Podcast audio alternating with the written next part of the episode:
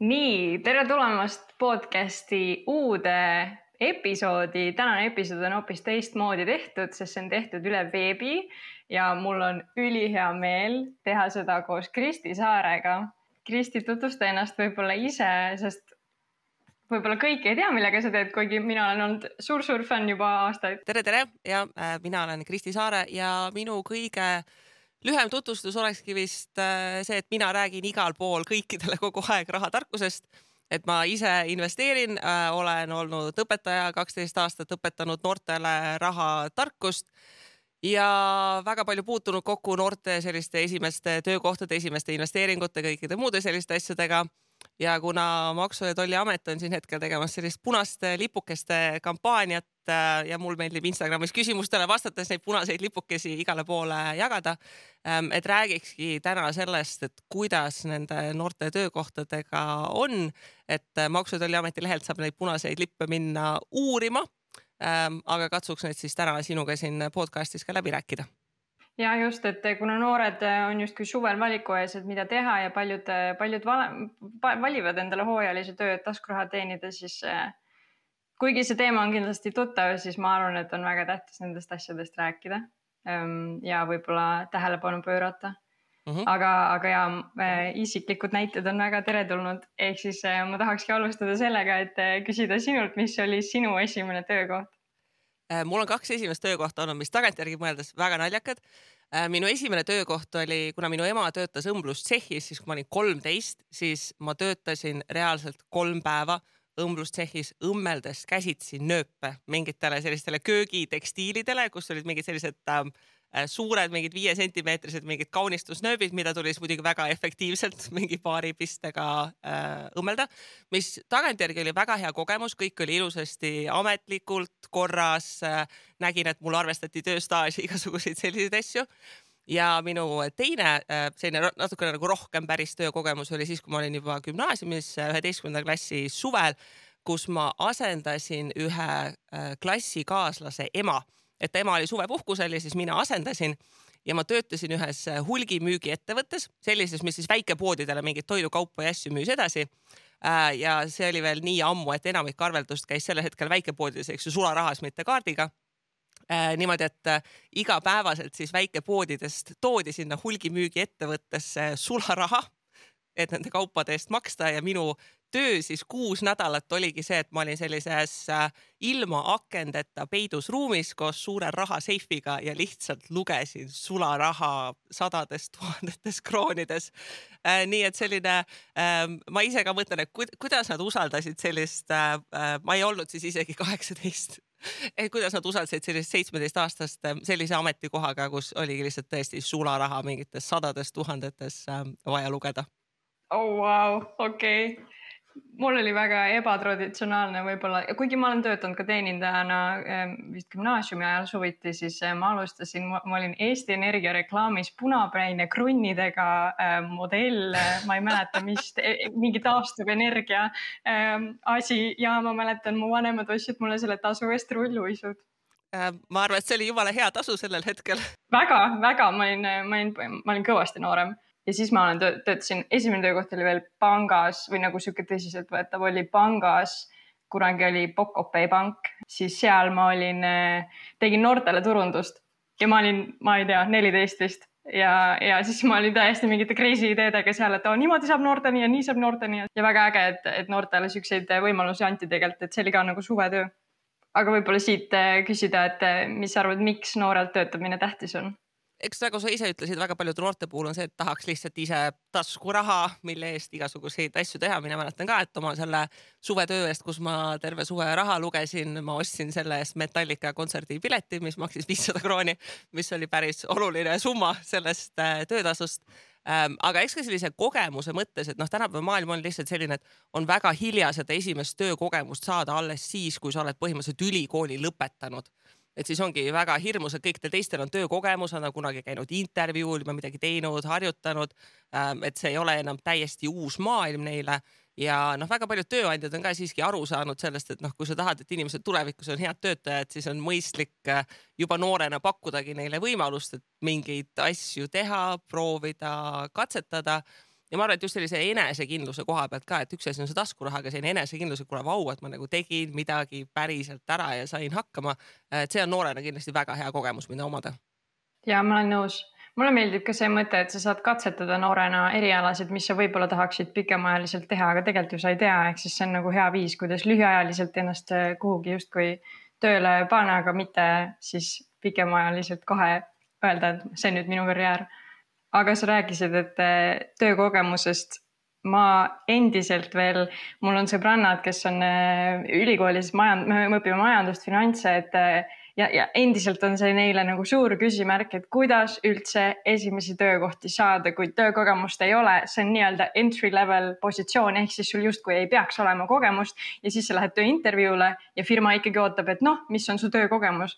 kuidas, kuidas sa siis üldse saad need esimesed töökohad? Ja ta kipubki see ringloogika olema, et tule tööle värskelt ülikoolist ka ja siis võiks viis aastat kogemust olla. aga noortega on tavaliselt lihtsam, õnneks päris paljud ettevõtted on panustanud sellele, noh, et me võtamegi noori tööle, et noh, sul on reaalselt mingid malevad, eks ju, või mingid sellised spetsiifilised noortele välja mõeldud ametikohad, kus noh, lähedki sinna, et sul ei ole mingit kogemust.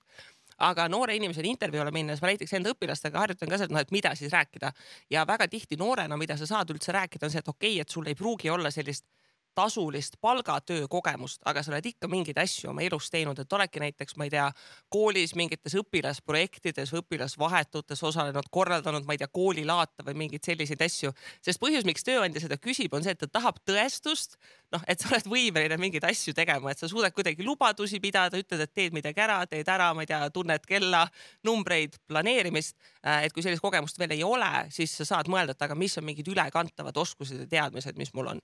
aga noh, reaalsus on ka see, et väga tihti, kui ma noortega ka räägin, siis need esimesed töökohad kipuvad tulema nii, et keegi kuskilt soovitab kellegi sugulase, tädi, ema, onu äh,, klassikaaslase, ema, isa kuskilt äh,. et väga tihti nende esimeste töökohtadega see soovitus ka väga palju maksab, et kui keegi teine ütleb, et kuule, see on nagu tubli noor inimene, äh, et sa võid usaldada, et võtad ta tööle ja siis ta päriselt teeb oma asjad ära ja just on huvitav ka see, et ma mäletan, et mina noorena, kui ma olingi teenindajana töötanud ja ma olen ka malevas käinud, et siis ma ei julgenud või ma ei tahtnud või mul oli kuidagi piinlik panna neid asju oma CV-sse, kui ma juba hakkasin otsima näiteks teist töökohta. kuigi tegelikult jällegi nagu sa ütlesid, on ju, et see näitab seda, et sa oled kuskil, sa juba tead, mida tähendab kohusetunne ja kõik sellised asjad, et tegelikult see ei ole, see just näitab, et sa oled noorena olnud asjalik. aga, aga minu nagu mõttekäik oli just selles, et ei, et noh, et ei, see tundub veider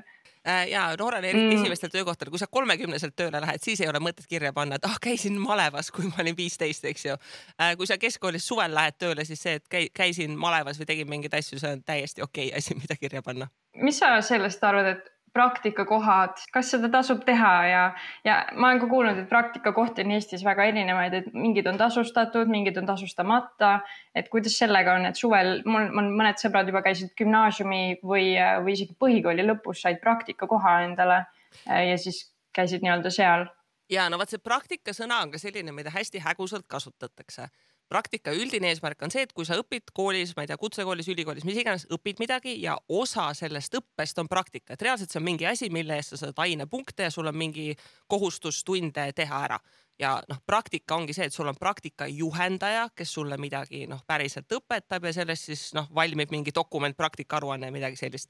see, et sa lihtsalt kuskile lähed ja sulle öeldakse, et ah, et see on praktika, et harjutad töö tegemist, no see ei ole nagu selles suhtes päris asi, et ta peab ikkagi kooli kaudu olema kuidagi seotud. Äh, see, kas see praktika on tasustatud või mitte, noh, mina isiklikult ei toeta tasuta selliseid praktikakogemusi väga palju, sellepärast et eriti kui see praktika on selline suuremahuline siis see, et selle eest mingisugust tasu ei maksta, tekitab tegelikult probleemi, et kui see noor on pärit perest, mis on selliste väiksemate finantsiliste võimalustega, siis noh, mida tema peab tegema et äh, tihti ma olen ka kuulnudki noori, et okei okay,, et ma käin kuskil praktikal ja siis ma lähen öösel käin, teen näiteks mingit lisatööd lihtsalt sellepärast, et mul on vaja oma arveid ka maksta. ja noh, reaalsus on muidugi ka see, et see, et kas sinu valdkonna praktikad on tasustatud või tasustamata, on väga hea vihje selle koha pealt, et millised on selle valdkonna palgatasemed ja töövõimalused. et kui juba praktikante tegelikult suudetakse hästi kohelda ja tasustada, siis see on väga hea märk sellest, et tõenäoliselt see töökultuur on ka parem. kui see praktika on selline väga pikk ja tasuta, siis noh, ma tunneks veidikene muret ka, et kuidas üldse palga maksmisega selles sektoris on. Vau, ma ei ole kunagi selle peale mõelnud, see on väga-väga huvitav kui, kuidas üldse teada, kui palju, ütleme, et sul on esimene töökoht, kui palju sa peaksid teenima, kuidas sa tead, kui sult küsitakse, et ja Eestis mis, on. mis palka sa tahad? ja Eestis on äh, kahjuks päris paljud sellised töökuulutused, mis tulevad välja, kasutavad selliseid lauseid, et konkurentsivõimeline palk ja noh, ma ei tea, motiveeriv töötasu ja igasugused muud sellised asjad Õnneks nüüd tuli üks Euroopa Liidu regulatsioon, et aastas, kui ma nüüd ei eksi, kaks tuhat kakskümmend kuus, siis peab kõikidel töökuulutustel olema vähemalt palgavahemik, mis on ülinormaalne, sest et see tähendab, et inimesed ei raiska nii palju üksteise aega, et sa lähed intervjuule, intervjuu lõpus küsitakse, et noh, et palju sa siis palka tahaksid saada. noh, tavaliselt nagu noh, eriti noored, mida, mida noorem sa oled ja mida vähem sul kogemust on, sa ei julgegi üldse midagi küsida, sest noh, eriti noorena, kui sa väga meeleheitlikult otsid oma seda esimest töökohta, siis noh, sa ei taha küsida nii palju, et äkki nad ei võta mind, et äkki ma küsin, eks ju, liiga palju. ja siis küsitaksegi mingeid summasid ja tagantjärgi saadakse teada, et aa, okei okay,, et tegelikult oleks võinud poole rohkem selle eest küsida ja kõige mõistlikum samm on teha enne natukene taustauuringut ja taustauuringu tegemiseks on hästi mitu erinevat varianti. Eestis esiteks meil on äh, Statistikaametil on see palgarakendus, kus sa saad ametikohtade järgi vaadata, et mis on selles valdkonnas palgad, mida makstakse. sa saad otsida üles ka sarnase sellise tasemega töökohti, et vaadata, mida seal makstakse. kindlasti kuskil on sul mõni sõber või tuttav, kes on sarnast tööd teinud, no näiteks kui sa lähed suvel teenindusse tööle, noh tõenäoliselt on mõni tuttav, kes on teeninduses tööd teinud, et küsida talt ja hästi tihti kiputakse arvama ka seda, et palgast justkui ei tohi rääkida, et mõndadel pannakse töölepingusse kirja, et noh, et palk on saladus. sinul on lubatud oma palgast teistega rääkida. Ja see, kui äh, tööotsijad ja töötajad omavahel palgast räägivad, siis see ongi palju parem, sest noh, kust, kust see noor peaks seda teadma, et jah, sa võid seda statistikat vaadata, aga noh, on, on väga suur vahe, kas sa lähed suvel teenindajaks ja sulle makstakse selle eest palka, ma ei tea, kaheksasada eurot bruto või tuhat eurot bruto, et noh, see on nagu üli-ülisuur äh, vahe selles, et kui palju sinu töötund äh, maksab ja noh, selle tasuga ongi just selline üks puna, punane lipp, mida panna tähele ka, kui sa oma esimesel töökohal lähed, et noh, kas ja kuidas ja kuhu see tasu on üldse kirja pandud, et hästi tähti. tihti öeldaksegi, et noh, et noh, see tasu on enam-vähem selline, eks ju, ja noh, ma ei tea, vaatame, sõltub töötundidest ja millest iganes. et sa pead suutma väga selgelt aru saada mille eest ja kui palju sulle makstakse ja noh, kõige mõistlikum siiski on see, kui ta on päriselt kirjalikus lepingus, et täpselt sinu töötund on nii palju, neid töötunde nädalas on nii palju, eks ju, kuidas arvestatakse seda, et kui sa, ma ei tea, teed mingeid ületunde või töötad riigipühadel või mingid sellised asjad, et kui see on kirjas, siis sul on pärast ka lihtne kontrollida, et kõik numbrid päriselt klapivad. ja võib-olla üks asi ka, mida noored ei oska tavaliselt vaadata, on see, et töölepingus peaks palk olema kirjas brutopalgana mitte netopalgana, sellepärast et noh, netopalk sõltub sellest, et kas sa kasutad seda tulumaksuvaba miinimumi avaldust natukene, et brutopalk on see, mis peaks kirjas olema äh,. nii et ei tekiks mingit segadust, et kui palgapäeval lõpuks raha laekub, et oot-oot-oot, eks ju, et miks see summa selline on, et sellest peaksid kõik väga selgelt omavahel aru saama. mis sa, mis sa arvad, mis äh, võib-olla on veel mingid punased lipud äh, tööandja juures, mida kindlasti üks noor peaks tähele panema? Noh, kindlasti, kui sa seda töökohta otsid, siis noh, kui me räägime mingitest sellistest suurtest ettevõtetest, noh nende puhul noh, see, see, see maine toetab, et noh, hästi tihti noh, kui ma enda õpilaste pealt vaatan, et kus nende mingid esimesed töökohad olid, töötasidki, ma ei tea, Hesburgeris, McDonaldsis, kuskil Circle K, mingid sellised, ma ei tea, tavaliselt äh, populaarsed mingid restoranid, ma ei tea, mingi riidepoed, sellised. no need on ettevõtted, mille puhul sa võid eeldada, et noh, et enam-vähem võiks olla okei okay,, eks ju. aga mida väiksemasse ettevõttesse lähed ja võib-olla kuskil väikses kohas, tasuks natukene tausta kontrollida, et tänapäeval võtad äh, Google'i võtad ette, trükid selle firma nime sisse, sa näed kohe, kas firmal on mingit maksuvõlgu, kas keegi on selle ettevõtte kohta midagi veidrat kirjutanud, eks ju, näed infot, et kas ja palju seal üldse mingisuguseid teisi töötajaid on äh,. et kahjuks eriti noori tihti üritatakse peibutada selliste väga noh, fantastiliste pakkumistega, et ma ei tea, meeletud rahad ja mingid suured boonused ja asjad ja mis iganes ja siis, kui hakkad tööd tegema, siis tuleb välja, et aa ei, tegelikult ikka päris nii ei ole või sellist palka makstakse ainult nendele, kes kümnekordselt müügi eesmärki ületavad ja noh, kõik mingid, mingid sellised asjad äh,. nii et selline esmane taustauuring, sest et noh, kui sa pole ikkagi kellegagi selle töölepingu sõlminud, noh, et siis ikkagi noh, päriselt töösuhe, te olete mingid kokkulepped teinud ja kui sa paned oma allkirja töölepingule kus see tunnihind on täpselt selline, nagu on, siis noh, niikaua kuni see miinimumpalgast üle, siis noh, sa oled ise sellega nõustunud. tasuks selles suhtes kõik see taustauuring teha ära enne, kui sa allkirja paned ja see on ka punane lipp, et kui survestatakse, et lükatakse kohe see leping sulle ette ja nüüd noh, kohe nüüd kirjuta alla ruttu, praegu teeme, et noh, kas sa ei, noh, kas sa ei tahagi, eks ju. Äh,. tegelikult sul on õigus seda lepingut rahulikult lugeda, sa ei pea kohe sealsamas kohapeal seda allkirjastama, on täiesti okei okay öelda, kuule, ma tahaksingi rahulikult seda lepingut lugeda ja läbi vaadata ja aru saada, mis siin kirjas on. Et see on ka üks asi, mida teha, et selline paanikas koha peal, noh, natukene närvis esimest korda võidki alla kirjutada mingitele asjadele, mis sa pärast ise ka imestad, mis sa sealt lepingust leiad väga palju ma olen kuulnud ka seda, et äh, ongi tööandja on umbes selline, et no vaatame, et äh, me võime, see on ju suuline leping selles mõttes, et see on nagu okei okay,, et, et me ju oleme, noh, me oleme ju kokku leppinud, me teame ju, et me oleme kokku leppinud ja tead, ma, meil üldse on praegu finantsid on nagu jamad, et ma võib-olla maksan, äh, paneme see pool, pool summat, me võime nagu suulise lepinguga välja mõelda, aga siis ülejäänud, noh, vaatame, kuidas, kuidas sa tööd teed või midagi sihukest, et nagu ja no kohe, kui selline jutt hakkab tulema, siis see on kohe esimene punane lipp, et oi,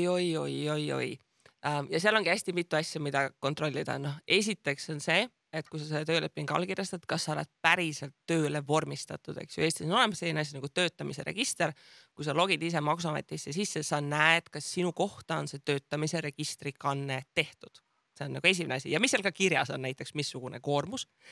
Äh, ja teisalt ka see, noh, et kas päriselt siis sinu töötasu pealt on kõik maksud tasutud, et see on paljudele noortele ka esimene kord, eks ju, seda kogeda, et Äh, kui sulle makstakse töötasu, siis tööandja, eks ju, deklareerib selle tagantjärgi, et kui näiteks juunikuu eest saad palka ja see makstakse sulle juulikuus välja, siis maksudeklaratsioonis näed sa seda alles äh, kümnendas augustis põhimõtteliselt, eks ju. Äh, et see on nagu kuu aega hiljem, mis tihti tekitab seda probleemi, et kui sa nagu juul, juunikuus lähed tööle, eks ju, siis augustikuus sa võid alles siis avastada, et oih, et tegelikult ei olegi ühtegi maksu nagu makstud, mis, mis on tegelikult natukene selline probleem. selleks ongi ikkagi mõistlik, et kõik on kirjalikult jah, meil Eestis on seaduses lubatud, et sa võid teha suulise kokkuleppe, aga noh, see on üks selline asi, mis tasub endale üldse kogu eluks sisse harjutada. kui seda pole kirjas, siis seda pole olemas. pärast tagantjärgi, noh, muidugi on alati võimalik minna töövaidluskomisjoni ja kõik sellised asjad, aga noh, töövaidluskomisjonis on nii, et sina ütled, et oli niimoodi ja tööandja ütleb, et oli niimoodi, noh, mille põhjal nad selle otsuse teevad, kui seal ei ole mitte ühtegi kirjalikku tõendit. ja noh, väga tihti ma olen ka arvestanud, et äh, noh noored inimesed mõnikord ei fikseeri ära, et selle, see sõna ümbrikupalk, nad on nagu kuulnud, et aa ah, okei okay,, mingi ümbrikupalk nagu, et see on nagu noh, ma ei tea, mingi halb asi, maksud on maksmata ja mis iganes. ja samas sa töötad kuskil teeninduses ja siis nad ei suuda nagu see, see klikk ei käi ära, et, et see, mida sina saad, see on ka päriselt ümbrikupalk, eks ju et jah, et midagi laekub pangakontole ja siis ma ei tea, õhtul antakse, ma ei tea, kassast midagi sulas, et ah noh, see oli mingi tänane tipp või mis iganes. ja siis kuidagi ei käi see klikk ära, et ah, et mina olengi see inimene, kes päriselt võtab seda ümbrikupalka vastu. et see ei pea olema niimoodi dramaatiliselt kuskil nurga taga pimedas, et keegi päriselt annabki ümbrikust selle raha, eks ju, vaid ongi see, et ah, täna teenisime nii palju, et noh, palun, siin on lisaks, eks ju, ja, ja ülejäänu kuskile laekub ja noh, noh noorena võib-olla selline asi, millele sa ei mõtle ka, et mis on sellega üldse seotud, kui need maksud on makstud äh,. alustades sellest, et äh, noh, haigekassa sinu sama tööstaaž, palju, kui palju sa kunagi saad tulevikus pensionit, aga ka näiteks see, et kui sa ei ole ametlikult tööle registreeritud, kui sinuga midagi juhtub, mingi tööõnnetus, noh siis selle vastu ka sa oled palju vähem kaitstud. et äh, tihti ollaksegi optimistid, et kõik läheb hästi ja kõik on super, aga noh, sellesama ümbrikupalgaga on ka see, et aga kui tööandja ütleb, et äh, ai, mis, kes sa siin olid üldse siin käisid nagu, et äh, ole õnnelik, et ma nii paljugi maksan ja kõik ja mille alusel sa läheksid siis seda enda välja teenitud raha välja nõudma. ega tööandja ütleb sulle ka vastu, aga kuule, sina ju ka rikkusid tegelikult ju äh, selles suhtes seadust, et võtsid siin ümbrikupalka teadlikult vastu. sa räägid äh, maksudest, et äh, võib-olla lihtsalt äh, korraks nagu astuda tagasi, et äh, kuidas üldse Eestis palka maksustatakse ja, ja sa räägid ka bruto ja neto vahest, et ja. mis, mis see on? ja maksustamisega käib siis äh, niimoodi töölepingus on sul kirjas brutopalk ehk siis see on sinu palk enne seda, kui sealt peetakse kinni siis riigipoolsed kohustuslikud maksud. sinu brutopalgast peetakse kinni üldiselt kolm asja, noh, üks nendest sõltub vanusest. Äh, üks on see teise samba makse, mis on kaks protsenti, eks ju. siis on äh, töötuskindlustusmakse, mis on siis äh,, ma tahaks öelda, et see on üks koma kuus, kui ma praegu ei valeta Äh, ja siis kolmandana peetakse, eks ju, tulumaks kinni. ja kui need maksud on kinni peetud, siis see, mis jääb alles, netopalk, see on see, mis laekub sulle päriselt kontole. lisaks nendele maksudele, mis sinu poolt kinni peetakse, maksab siis tööandja tegelikult lisaks veel makse, mis on see asi, mida ka paljud täiskasvanud üldse ei registreeri ära. Äh, et brutopalga pealt makstakse lisaks veel siis tööandja poolne töötuskindlustus, mis peaks siis olema null koma kaheksa protsenti ja lisaks veel siis sotsiaalmaks. Ja sotsiaalmaks on Eestis, eks ju, kolmkümmend kolm protsenti äh, ja see siis tegelikult jaotatakse kahe asja vahel ära, ta läheb haigekassa ja siis pensionite maksmiseks põhimõtteliselt ja väga paljud noored ei olegi kunagi seda arvutuskäiku läbi teinud, et tasuks, noh, internetis neid palgakalkulaatoreid on tegelikult igasuguseid. Äh, võtad mõne palgakalkulaatori ette ja trükidki natukene numbreid sisse, et noh, et kui netopalk on selline, mis ma tahan kätte saada, mis tegelikult üldse see brutopalk peaks olema ja kui palju on see tööandja tegelik äh, kulu ja eks noh, tihti selle argumendiga minnaksegi sinna ümbrikupalga poole, et noh, aga me ei maksa makse, et siis sa saad rohkem kätte aga noh, kui neid makse ei maksta, siis tegelikult noh, millest sa jäädki ilma, ongi see pension, seesama äh, haigekassa asjad, mida noh, kui sul ühel hetkel on vaja, siis on väga suur probleem, kui neid tegelikult ei ole. sa oled natuke juba rääkinud, miks ümbrikupalk on halb, aga miks see on võib-olla halb üleüldises perspektiivis või et mik, miks me üldse peame makse maksma, kui inimene mõtlebki, et noh, et aga nad ütlesid, et nad ei pea ju makse maksma, et ma saan rohkem raha kätte, see on ju noh, super ja eks ta on selline hästi hea argument, et jah, mina ise saan, äh, saan, saan rohkem raha kätte. noh, reaalsus on see, et ega me kõik tegelikult igapäevaselt kasutame ühiskondlikke tasuta hüvesid, noh näiteks seesama, kui sa oled noor inimene, kui sa käid veel keskkoolis. põhjus, miks sa saad koolis käia tasuta, on see, et me kõik maksame kollektiivselt makse, millest sedasama asja rahastatakse äh, see, et sul kodutänaval on, äh, ma ei tea, asfalttee see, et sa saad äh, noorena käia äh, tasuta hambaarsti juures, see, et äh, ühistransport on noortele kas soodustusega või tasuta, see, et sa saadki ka arsti juurde minna, kõik need on tegelikult seotud sellega, et me ühiskondlikult oleme otsustanud, me kogume maksudena raha kokku ja siis me saamegi pakkuda neid riigipoolseid teenuseid. et ta on, noh, inimesed kuidagi ei, ei mõtle, et see on väga tugev sellise moraali ja eetika küsimus, et noh, milline inimene sa oled et kas sa saad sellest aru, et maksude maksmine, et see ei ole mingi selline riigipoolne karistus, et noh, riik tahab sult raha ära võtta, vaid et see riik olemegi täpselt meie ise ja see riik pakubki meile täpselt neid teenuseid, mida me tahame. et ähm, noh, kahjuks on niimoodi, et öelda enda kohta, et noh, ma olen tegelikult hea inimene, aga võtan vastu ümbrikupalka, et noh, tegelikult need kaks asja ei, ei saa päris koos käia see on nagu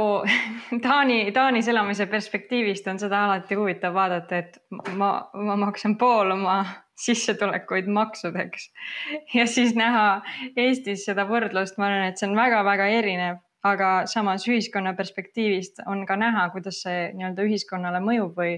ähm, jah, seda on huvitav nagu noorena nüüd hakata nagu võrdlema võib-olla kui äh, rääkida nüüd, äh, kui inimene hakkab tööd otsima ja pakutakse proovipäeva. ma ei teadnud seda, et proovipäev ei tohi olla tasuta. ja väga paljud inimesed ei tea seda. Äh, kui sa lähed proovipäevale ja kui selle proovipäeva sisu on see, et sa päriselt teed tööd, siis selle eest peab sulle maksma. kui see proovipäev on reaalselt selline, et sa lihtsalt seisad nurgas ja vaatad ja mitte midagi ei tee noh, siis, siis, siis sa ei tee tööd äh, aga hästi palju, eriti teeninduses kasutatakse, et ah, tule tee meile proovipäevale ja siis sa oled kaheksa tundi ettekandja, pärast öeldakse, et noh, aitäh, oli tore proovipäev, võtame su nüüd tööle. noh, tegelikult sa tegid terve päeva tööd ja eriti veel mõned kohad, kes ütlevad, ah, et meil on veel mitu proovipäeva ja noh, siis me veel vaatame, et noh, et kas sa saad hakkama ja kuidas ja siis võtame su tööle. et see on tõesti esimene väga-väga suur punane lipp, et kui öeldakse, et proovipäev ja kui selle eest ei maksta või noh, selline jutt, et ah, ole veel tänulik, et me üldse sind kaalume endale tööle võtta, siis tõenäoliselt on teised asjad ka seal ettevõttes ikkagi väga-väga korrast ära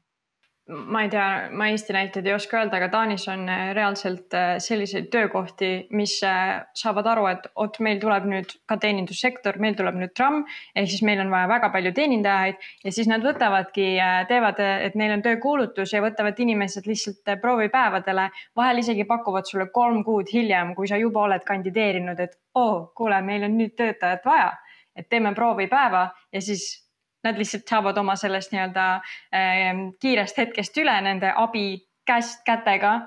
ja tegelikult nad kunagi sulle tööd ei paku ja siis ütlevad, et äh, sorry, ei sobi äh, ma õnneks Eestis mingeid selliseid juhtumeid väga ei ole kuulnud, aga ma üldse ei imestaks ka ähm,, eriti kui ka seekord, et inimesed äh, noh, ei ole enda õigustega kursis ja noh, väga tihti, eriti noorena sa oledki, et noh, et keegi ei taha mind väga tööle võtta või noh, ikkagi suhteliselt konkurentsirikas on, kui sa noorena neid esimesi töökohti tahad püüda. ja siis ongi selline tunne, et ma peangi ütlema kõikidele asjadele jah, noh lihtsalt selleks, et see tekitabki mulle mingisuguse võimaluse, et äkki ma, äkki ma saan selle töökoha tulevikus.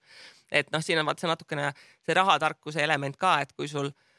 endal seda natuke rahatarkust on rohkem endal mingisugused säästud ja asjad, siis noh, eriti tudengina, et sa ei pea meeleheitest võtma kõiki pakkumisi vastu, sellepärast et üks osa on see, et kui sa päriselt neid punaseid lippe ei tea, et need on halvad asjad või asjad, mida ei tohi teha, siis noh, tihti ka juba noh, tudeng, noh, ta teab, et need asjad ei ole okei okay, aga tal ei ole muud võimalust, sellepärast et noh, ühika eest renti on vaja maksta ja uueks semestriks õpikuid on vaja osta ja siis ta võtab selle vastu ja siis ta noh, niimoodi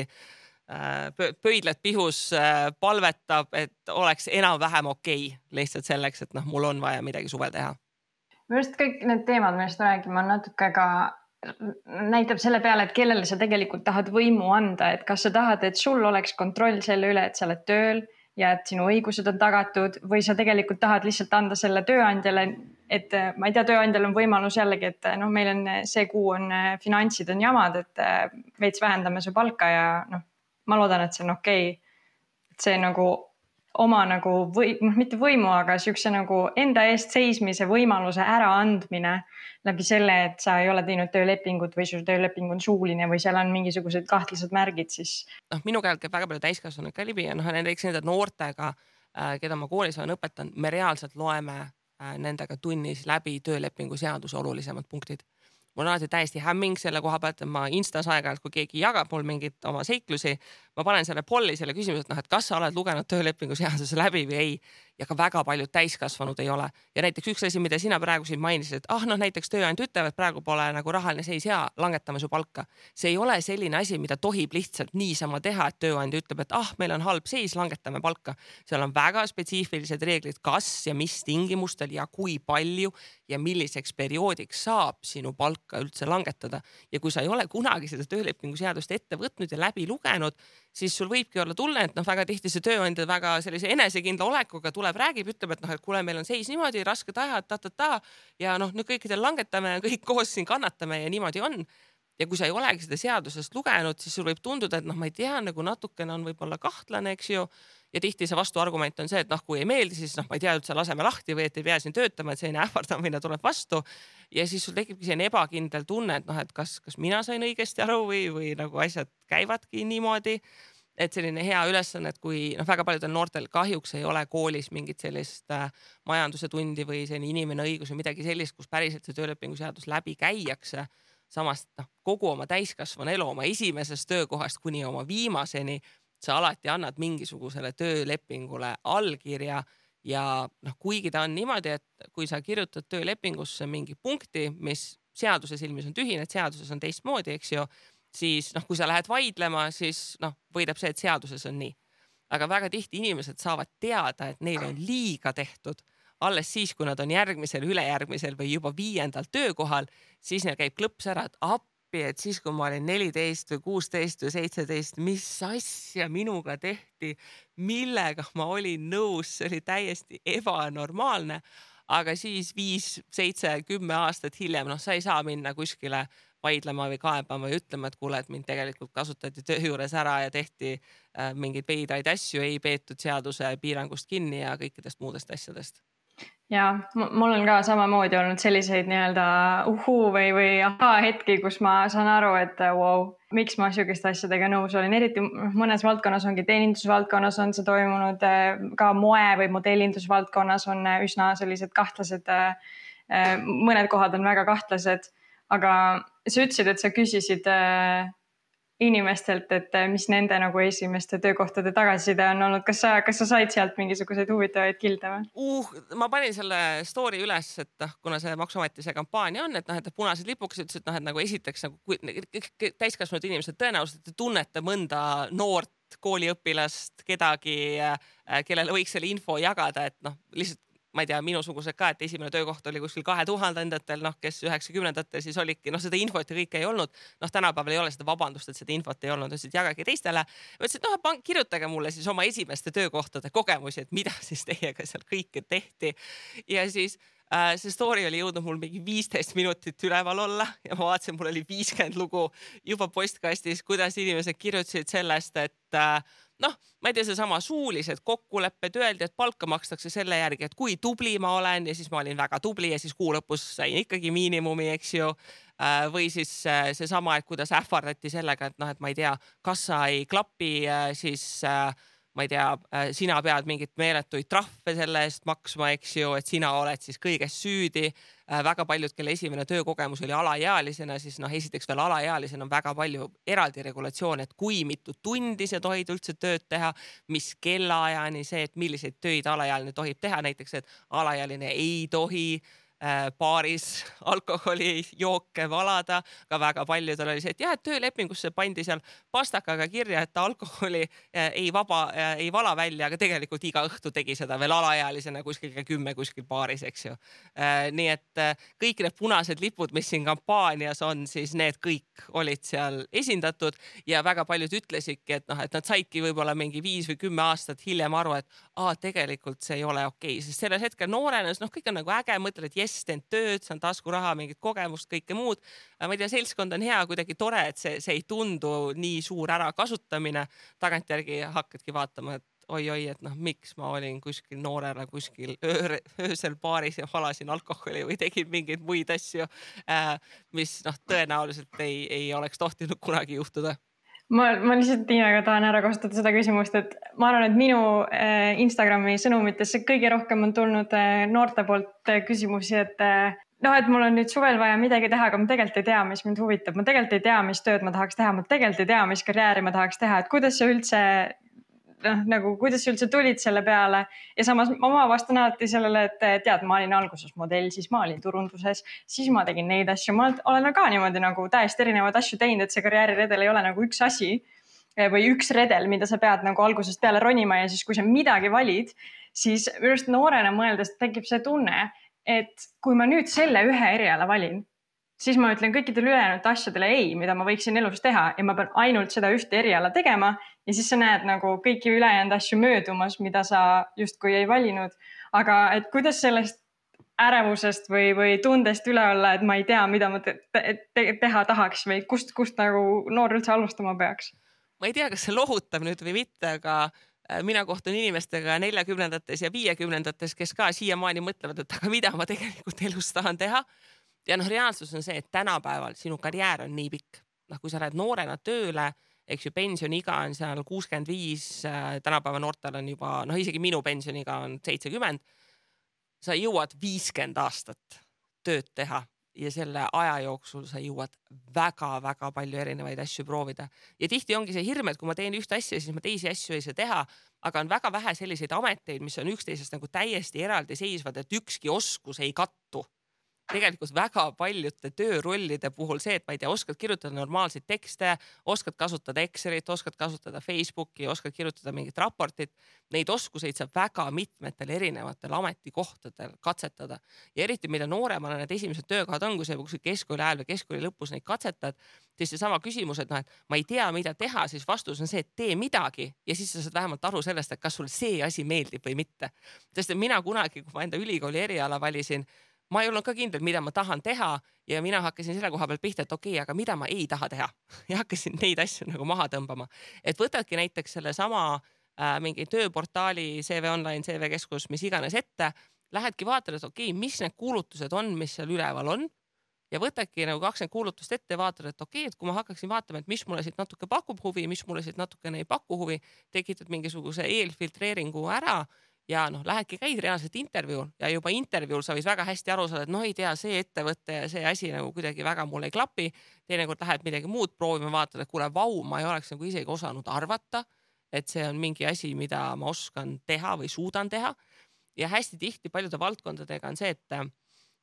tänapäeva maailm on läinud nii keerukaks erinevate ametikohtade koha pealt, et ma ei tea, mingi kolmkümmend aastat tagasi oli väga lihtne, et arst on arst, jurist on jurist, eks ju, ma ei tea, raamatupidaja on raamatupidaja, siis tänapäeval kõik ametid on hübriid nii mitmest erinevast oskusest, et sul on väga raske võib-olla isegi ette kujutada, et mida tänapäeval selles töörollis tehakse et seesama koht, et okei okay,, mida teeb tänapäeval arst, enamik inimesi mõtlevad, et ah, okei okay,, vaata patsiente vastu see, et ta kuskil infosüsteemis mingeid asju sisestab või asju, sellest pole üldse ettekujutust. mida teeb raamatupidaja, inimesed kujutavad ette, et kasutab ainult, ma ei tea, mingit Excelit või raamatupidamisprogrammi, tegelikult väga suur hulk sellest tööst on reaalselt mingi inimeste nõustamine ja see on selline asi, millest sa saadki teada võib-olla siis, kui see esimene töökoht ongi kuskil ettevõttes andmesisestaja, mingi selline väga hea lihtne alustamise ametikoht ja sul on võimalik silmad lahti vaadata enda ümberringi, et aga mida need teised inimesed siin ettevõttes teevad ja neilt reaalselt küsidagi ja rääkida, et aa ah, okei okay,, et aga noh, milles sinu töö tegelikult seisneb. Et väga kindel on see, et seda sa ei saagi teada, mis sulle meeldib teha, kui sa mitte midagi ei tee. et see on nagu kõige kindlam lahendus. Äh, et midagi võiks ikka katsetada ja võib-olla ise reaalselt üllatud ja noh, karjääripöörded tänapäeval noh, mulle äh, väga meeldivad inimesed, kes karjääripöördeid teevad, kes vanuses nelikümmend, viiskümmend päevadki täiesti uut eriala õppima ja nad jõuavad ju veel kakskümmend aastat selles valdkonnas karjääri teha, et noh, see on selles suhtes terve igavik kas sul on äh, endale, kui sa mõtled oma nendele esimestele töökohtadele tagasi, mingisugused kindlad oskused, mida sa saad öelda, et sa küll juba õppisid neid seal, aga sa kasutad neid ka juba täna? Äh, no ma arvan, et see, kuidas ma kolm päeva neid nööpe õmblesin, siis noh, see kannatlikkuse ja distsipliini osa oli ikka fantastiline, et sa kaheksa tundi päriselt nagu mingit ühte sama asja teed Äh, näiteks seesama raha lugemise töö. Äh, tegelikult ma esiteks ma kasutasin seal äh, nende makstud arvete kinnitamiseks arvutis mingit suhteliselt vana mingit sellist legacy mingit DOS programmi, eks ju. ehk siis sul tegelikult oli vaja mingeid arvutioskuseid seal arendada, eks ju Äh, kasutasin mingit raha lugemismasinat ja kuna raha on väga must, siis raha lugemismasin läks kolm korda päevas umbe, seda oli väga puhastada, sai mingeid tehnilisi oskuseid nokitseda, eks ju. Äh, kui mu selja taga seif raha täis sai, siis oli vaja see panka saata, ehk siis mul oli vaja vormistada mingid ametlikud saatedokumendid, eks ju, et mida ja kui palju ma saadan. Äh, et selle ühe töö sees tegelikult on hästi palju erinevaid elemente, mida ma olen hiljem tulevikus kasutanud, et kui on vaja mingist arvutiprogrammist osa saada, siis noh, vaadake, et okei okay,, hakkad otsast nokitsema äh,. on vaja saata mingit saatedokumenti, ma ei tea, mul on praegu kirjastus näiteks, seal on väga tihti vaja mingit saatelehti vormistada, kuskile, ma ei tea, raamatupoodi lähevad asjad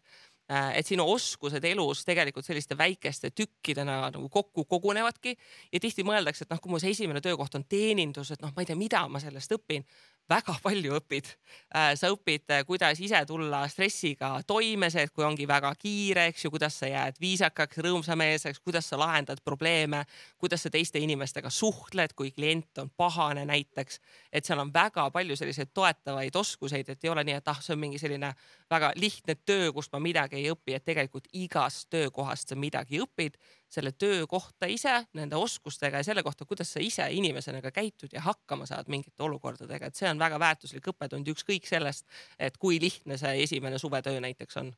ja ma olen nii nõus ja minu arust Eestis on ka see, et Eesti on nii väike ja Eestis tunnevad kõik kõiki. ehk siis, kui sa oma esimese töökoha teed ära ja sa oled selles hea, siis võib-olla keegi juba märkab seda, et sa olid nii pühendunud või siis sul tekib mingisugune nii-öelda kontaktvõrgustik nendest inimestest, keda sul võib-olla kunagi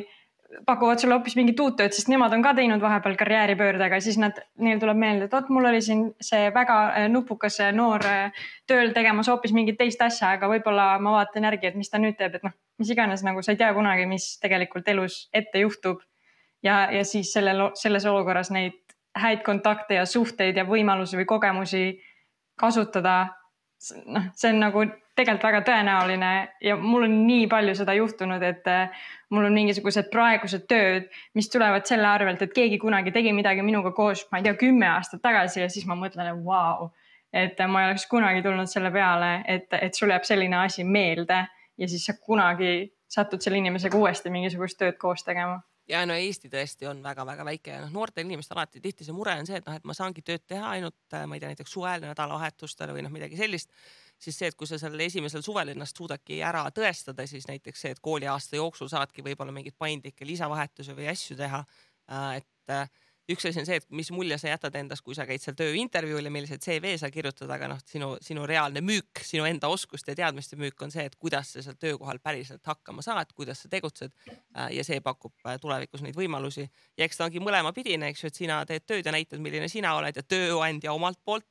eks ju see, et millist töökultuuri ta pakub, kas tema poolt on kõik korras ja asjad on noh, tema poolt see müügitegevus, et sa tahaksid tulevikus äh, minna tema juurde veel tööd tegema ja tema ettevõttesse panustama. Ja see on tõesti, see on kahepoolne. Ja mul on ka väga palju siukseid tööandjaid, kellega ma ei tahaks enam üldse pistmist teha, sest ongi see, et ma vaatan tagasi ja ma mõtlen, et no see, kuidas mind koheldi juba kõik, kõik hilisem, isegi kui on sama nii-öelda eriala, kus me töötame, siis ma ei taha tegemist teha, sest mul on kohe nagu, kui ta juba siis tegi niimoodi, siis mida ta võib tulevikus teha, et tegelikult see on ka tööandja poolne äh, maine, mida ta justkui annab edasi, eriti noorte puhul, kes siis ju lähevad ja neil on nii palju aastaid karjääri ees ja siis sa juba justkui ähm, kaotad, et ma ei tea, potentsiaalse kliendi või kaotad potentsiaalse, kes iganes, kes võib sulle midagi, sinu firmat paremaks teha. ja, ja no eks see on see tihti, et ei julgeta enda selliseid halbu kogemusi jagada, et mõnikord noortel reaalselt on selline natukene noh, isegi täiskasvanutel selline piinlikkuse tunne, et noh, et sa ise saad aru, et tegelikult midagi läks valesti ja siin võib-olla kasutati ära ja siis seda ei jagata teistele, et on nagu piinlik, et ai, ma ei räägi ja ma unustan ära ja mis iganes. aga see, et kui sa ise räägid nendest kogemustest teistele, siis sa aitad teisi kaitsta selle eest, et nemad selle samasse ämbrisse astuksid no eriti kui sul mingi selline, ma ei tea, piirkonnas olev nagu tööandja ja sa tead, et näiteks sinu klassi või koolikaaslased tõenäoliselt sinnasamasse kohta tööle kandideerivad, et noh, hoiata neid ette, et seal tegelikult ei ole asjad korras, sest et kui keegi mitte midagi ei räägigi, noh, siis ongi tulemus see, et noored aasta-aastalt lähevad samasse kohta tööle ja kogu aeg on mingisugune sama jama palgaga ka, mis sa ütlesid, et palgast rääkimine, et see on hea, kui sa räägid palgast ja, ja see on ka huvitav on olnud näha sõpradevahelist arvamuste muutumist, et me nüüd räägime, palju me teenime. ja, ja me tõesti võrdleme, palju me teenime, mitte et me töötaks kõik samal erialal, aga lihtsalt, et, et sa saaksid aru, mis, kuidas see süsteem toimib mis need keskmised palgad on, sest loomulikult, kui sa vaatad Statistikaametist võib-olla mingisuguseid asju, siis see on nagu üks asi, aga kui sul on nagu inimesed, kes räägivad oma töökogemusest või äh, ka näiteks äh, mõned mu ülemused on täiesti avatult äh, hakanud rääkima, kui palju nad teenivad, kuidas, kuidas paremini, ma ei tea, palka läbi rääkida, on andnud mingisuguseid oskuseid edasi, siis see on mulle nagu nii-nii palju toonud tegelikult kasu,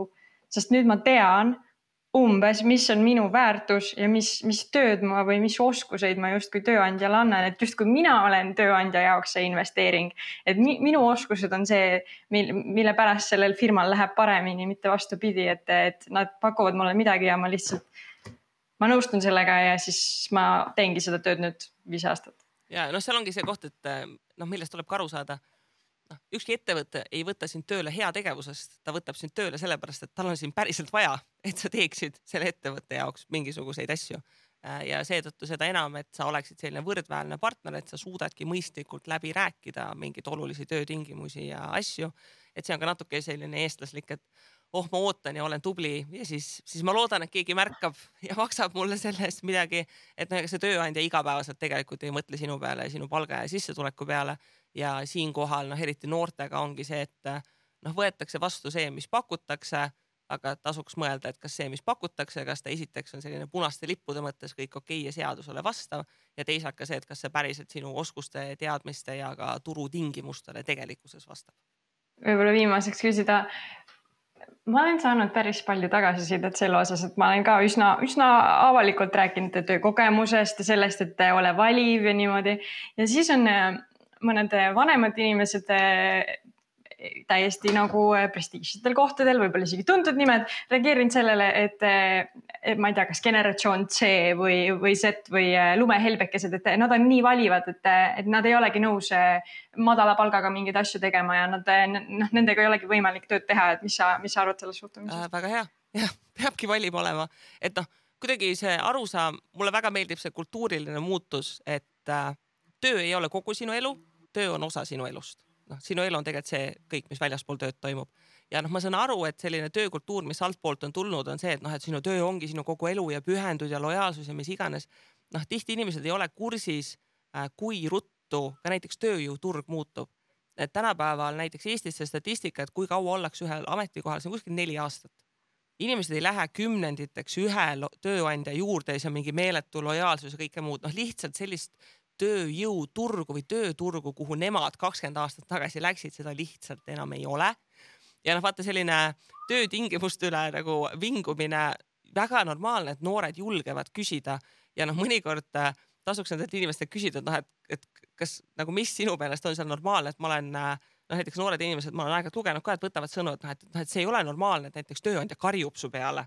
noh, sest see ei olegi normaalne. Ja siis mõned sellised vanema generatsiooni inimesed on nagu mingi, et aga mis selles imelikku on? Ja siis mul on tegelikult lihtsalt neist kahju, sellepärast et nad on kuidagi, neile on jäänud selline tunne sisse, et nad ei ole inimesena piisavalt väärtuslikud, et nendega võibki niimoodi käituda, et näiteks tööandja karjub sinu peale, noh nagu noh, täiesti üle mõistuse asi. Äh, et mulle väga sobib, et noored on äh, valivad, see, et nad oskavad enda eest seista, see, et nad küsivadki mingeid normaalseid töötingimusi,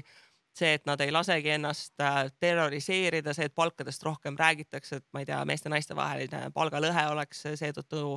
tulevikus väiksem et äh, tihti need äh, sellised ähm, vanema generatsiooni inimesed, kes kritiseerivad, eks noh, ma olen ka seda kriitikat väga palju saanud, sest et ma sellel palgatõusu teemal väga palju räägin äh,. et noh, see, see arusaam, et iga ettevõte, noh, seal ettevõttes sul on endal ka parem olla, kui töötajad on õnnelikumad. kui nad tulevad sinna, sest nad tunnevad, et neid väärtustatakse, nad tulevad ka tööle reaalselt hea tujuga ja hea energiaga et noh, mis siis see teine variant oleks, et kõik nagu tulevad hirmunult, et äkki ülemus astub sisse ja hakkab karjuma, et noh, mis elu see ka selline on, et sa siiski veedad oma nädalast seal noh, suurusjärgus nelikümmend tundi töösituatsioonis. et see ongi minu meelest väga mõistlik oodata, et see olekski kogemusena hea. sellepärast et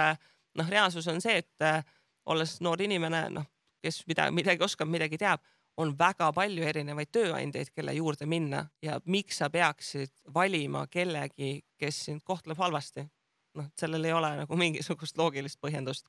mm,. ja võib-olla ka see tulebki see, et need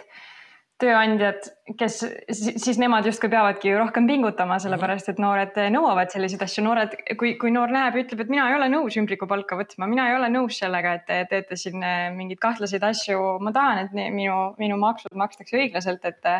et siis, siis on see tööandja tegelikult, kes peab pingutama selle nimel, et ta suudaks tagada kõik need tingimused ja kõik need kriteeriumid, mis ühel noorel on ja minu arust ka see on nagu, see on väga äge ja see ongi nagu mulle, mulle meeldib, et ühiskond eh, liigub sinna suunas. ma loodan, et noored said siit eh, esiteks innustust, et minna tööle ja teistpidi innustust, et enda eest seista ja kindlasti ma arvan, teadlikumaks ka näiteks noh, nagu ma ütlesin, mina ei teadnud sellest tasustamata äh, proovipäeva nagu, et see, et see ei ole okei okay., et ma ei olnud kunagi kuulnud sellest, sest kõik sõbrad käisid, tegid seda ja, ja see oli nagu normaliseerinud, seerunud justkui ühiskonnas minu, minu nagu perspektiivist et ähm, elad ja õpid, isegi kui ma olen, ma ei tea, jällegi no. nagu sa ütlesid, aastaid teinud seda mingit tööd juba. ja noh, ma arvan, et äh, osad noored, kes seda kuulavad, nüüd äh, avastavad ka, et oi, mida minuga seal mingil esimesel töökohal tehti. Äh, et noh, kui esimesel töökohal läks asjadega kehvasti, siis vähemalt järgmisel või selle suve töökohal sa oskad juba paremini vaadata, et oot-oot, et, et kuidas need asjad tegelikult käivad. ja noh, kui sul ei olegi neid teadmisi, et noh, kuidas need asjad käivad, siis õnneks tõesti tänapäeval internet võtad ette seesama töölepingu seadus Äh, ja seesama Maksu- ja Tolliameti koduleht, et väga paljud inimesed Maksu- ja Tolliameti kodulehel ei käi muul ajal, kui seal seda tuludeklaratsiooni tegemas. aga tegelikult seal on väga põhjalikult nagu väga paljud maksuasjad, just näiteks see, kuidas see töötasu maksustamine, asjad käivad, need on tegelikult nagu väga normaalselt seal kirjutatud, selgitatud. Äh, et võta see pool tunnikest ja käi vaata üle ja sul on endal ka kindlam tunne, kui sa tead, et olgu, et mul tegelikult ongi õigus ja tegelikult asjad peavadki nii käima ja nad ongi niimoodi seaduses kirjas, et ei saa sellist äh,, sul pead sassi ajada sellise enesekindlase jutuga, et ah ei, tegelikult ei pea nii tegema, tegelikult lepime siin suuliselt kokku ja no vaatame üldse, mis siin tulevikus saab, eks ju ja videokirjeldusse ka need lingid, millest me rääkisime, et kas äh, ma ei tea, äh, äriregister või krediidi, krediidiinfo ja Maksu- ja Tolliameti koduleht ja kõik sellised asjad, et te leiate need äh, videokirjeldusest aga ma väga-väga soovitan neid lugeda, see oli tõesti minu jaoks ka avastus, äh, vähemalt mõned asjad neist. aga aitäh sulle, Kristi, et sa, et sa äh, liitusid, mul oli väga hea meel kuulata su mõtteid sellel teemal. Mm, ja, ja noh, ma loodan ka, et mida rahatargemad noored kohe algusest peale on, siis seda vähem on pärast tulevikus vaja vigu parandada. Täpselt, vot. Aitäh, et kuulasite ja näeme järgmisel korral